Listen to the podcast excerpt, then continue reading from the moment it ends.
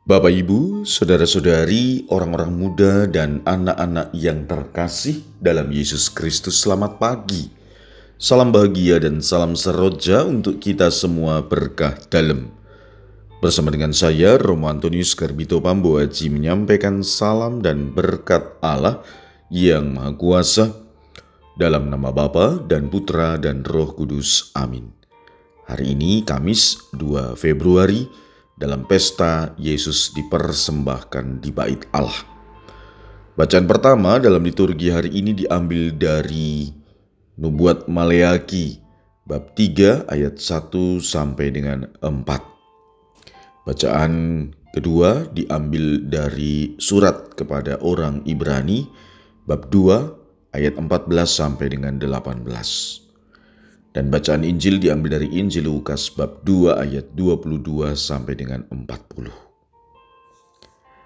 Ketika genap waktu pentahiran menurut hukum Taurat Musa, Maria dan Yosef membawa anak Yesus ke Yerusalem untuk menyerahkannya kepada Tuhan, seperti ada tertulis dalam hukum Tuhan. Semua anak laki-laki sulung harus dikuduskan bagi Allah, juga mereka datang untuk mempersembahkan kurban menurut apa yang difirmankan dalam hukum Tuhan, yaitu sepasang burung tekukur atau dua ekor anak burung merpati. Waktu itu adalah di Yerusalem seorang bernama Simeon. Ia seorang yang benar dan saleh hidupnya, yang menantikan penghiburan bagi Israel Roh Kudus ada di atasnya dan kepadanya telah dinyatakan oleh Roh Kudus bahwa ia tidak akan mati sebelum ia melihat Mesias, yaitu dia yang diurapi Tuhan. Atas dorongan Roh Kudus, Simeon datang ke bait Allah. Ketika anak Yesus dibawa masuk oleh orang tuanya untuk melakukan kepadanya apa yang ditentukan hukum Taurat, Simeon menyambut anak itu dan menatangnya sambil memuji Allah.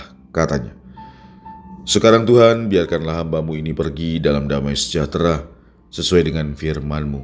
Sebab mataku telah melihat keselamatan yang daripadamu, yang telah engkau sediakan di hadapan segala bangsa, yaitu yang menjadi penyataan bagi bangsa-bangsa lain dan menjadi kemuliaan bagi umatmu Israel.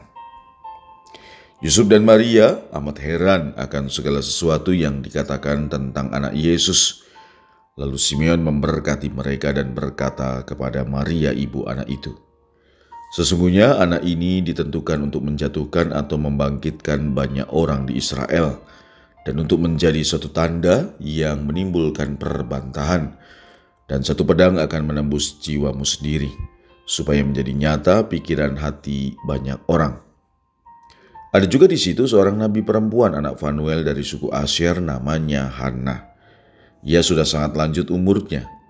Sesudah menikah, ia hidup tujuh tahun bersama suaminya dan sekarang ia sudah janda berumur 84 tahun. Ia tidak pernah meninggalkan bait Allah dan siang malam beribadah dengan berpuasa dan berdoa. Pada saat anak Yesus dipersembahkan di bait Allah, Hana pun datang ke bait Allah dan bersyukur kepada Allah serta berbicara tentang anak Yesus kepada semua orang yang menantikan kelepasan untuk Yerusalem. Setelah menyelesaikan semua yang harus dilakukan menurut hukum Tuhan, kembalilah Maria dan Yusuf serta anak Yesus ke kota kediamannya, yaitu Nazaret di Galilea.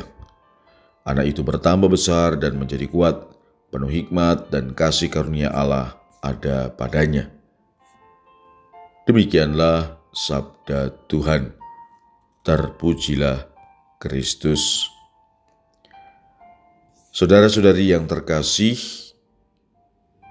Hari ini gereja merayakan pesta Yesus dipersembahkan di bait Allah.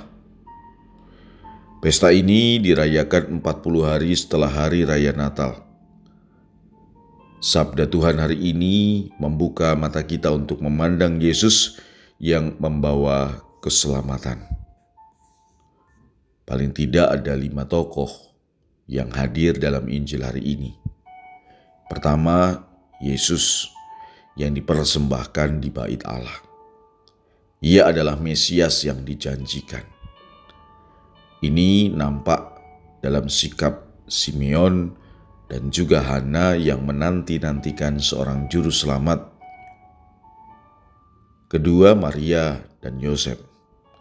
yang mempersembahkan korban persembahan, Yesus dan sepasang burung tekukur atau dua ekor anak burung merpati. Maria dan Yosef tidak menuntut perlakuan istimewa dari Allah, walau mereka telah mengamini kehendaknya. Tetapi mempersembahkan seluruh keluarganya kepada Allah adalah tetap dia lakukan. Mereka mewakili keluarga-keluarga saleh yang ada pada zaman itu.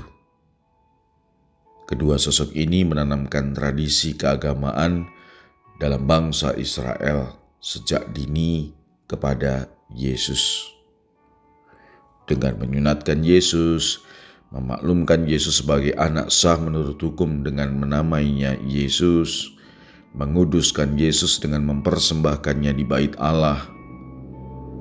Inilah bentuk-bentuk contoh-contoh yang ditunjukkan oleh Maria dan Yosef kepada Yesus bahwa mereka menghormati tradisi Yahudi.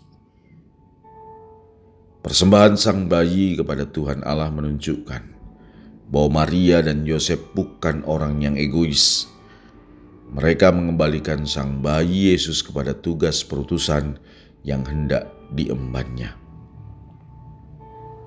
Ketiga, Simeon dan Hana yang menyambut Yesus di bait Allah.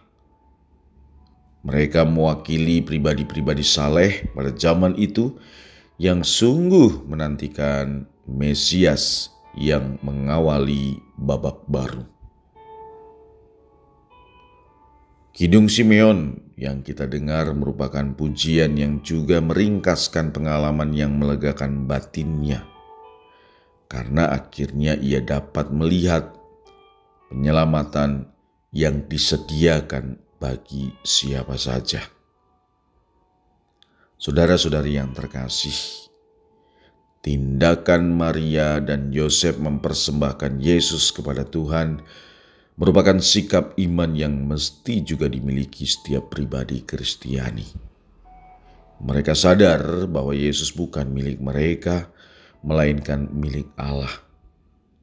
Pun dengan keluarganya dipilih oleh Allah.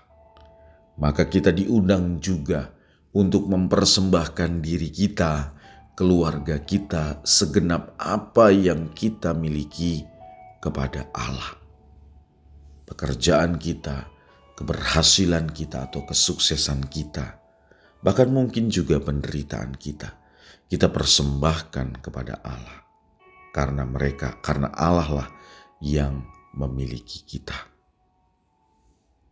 Kesaksian Simon, Simeon dan Hana sekaligus mengamini kerelaan Yosef dan Maria yang mempersembahkan sang anak tunggal mereka. Mempersembahkan diri berarti menguduskan.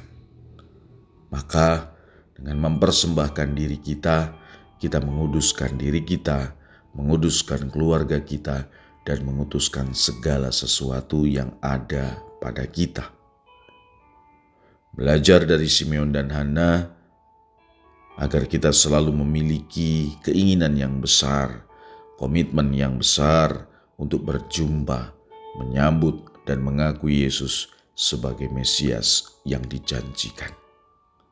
Marilah kita berdoa. Ya Bapa, terima kasih kepadamu karena Engkau telah mengutus putramu ke dunia.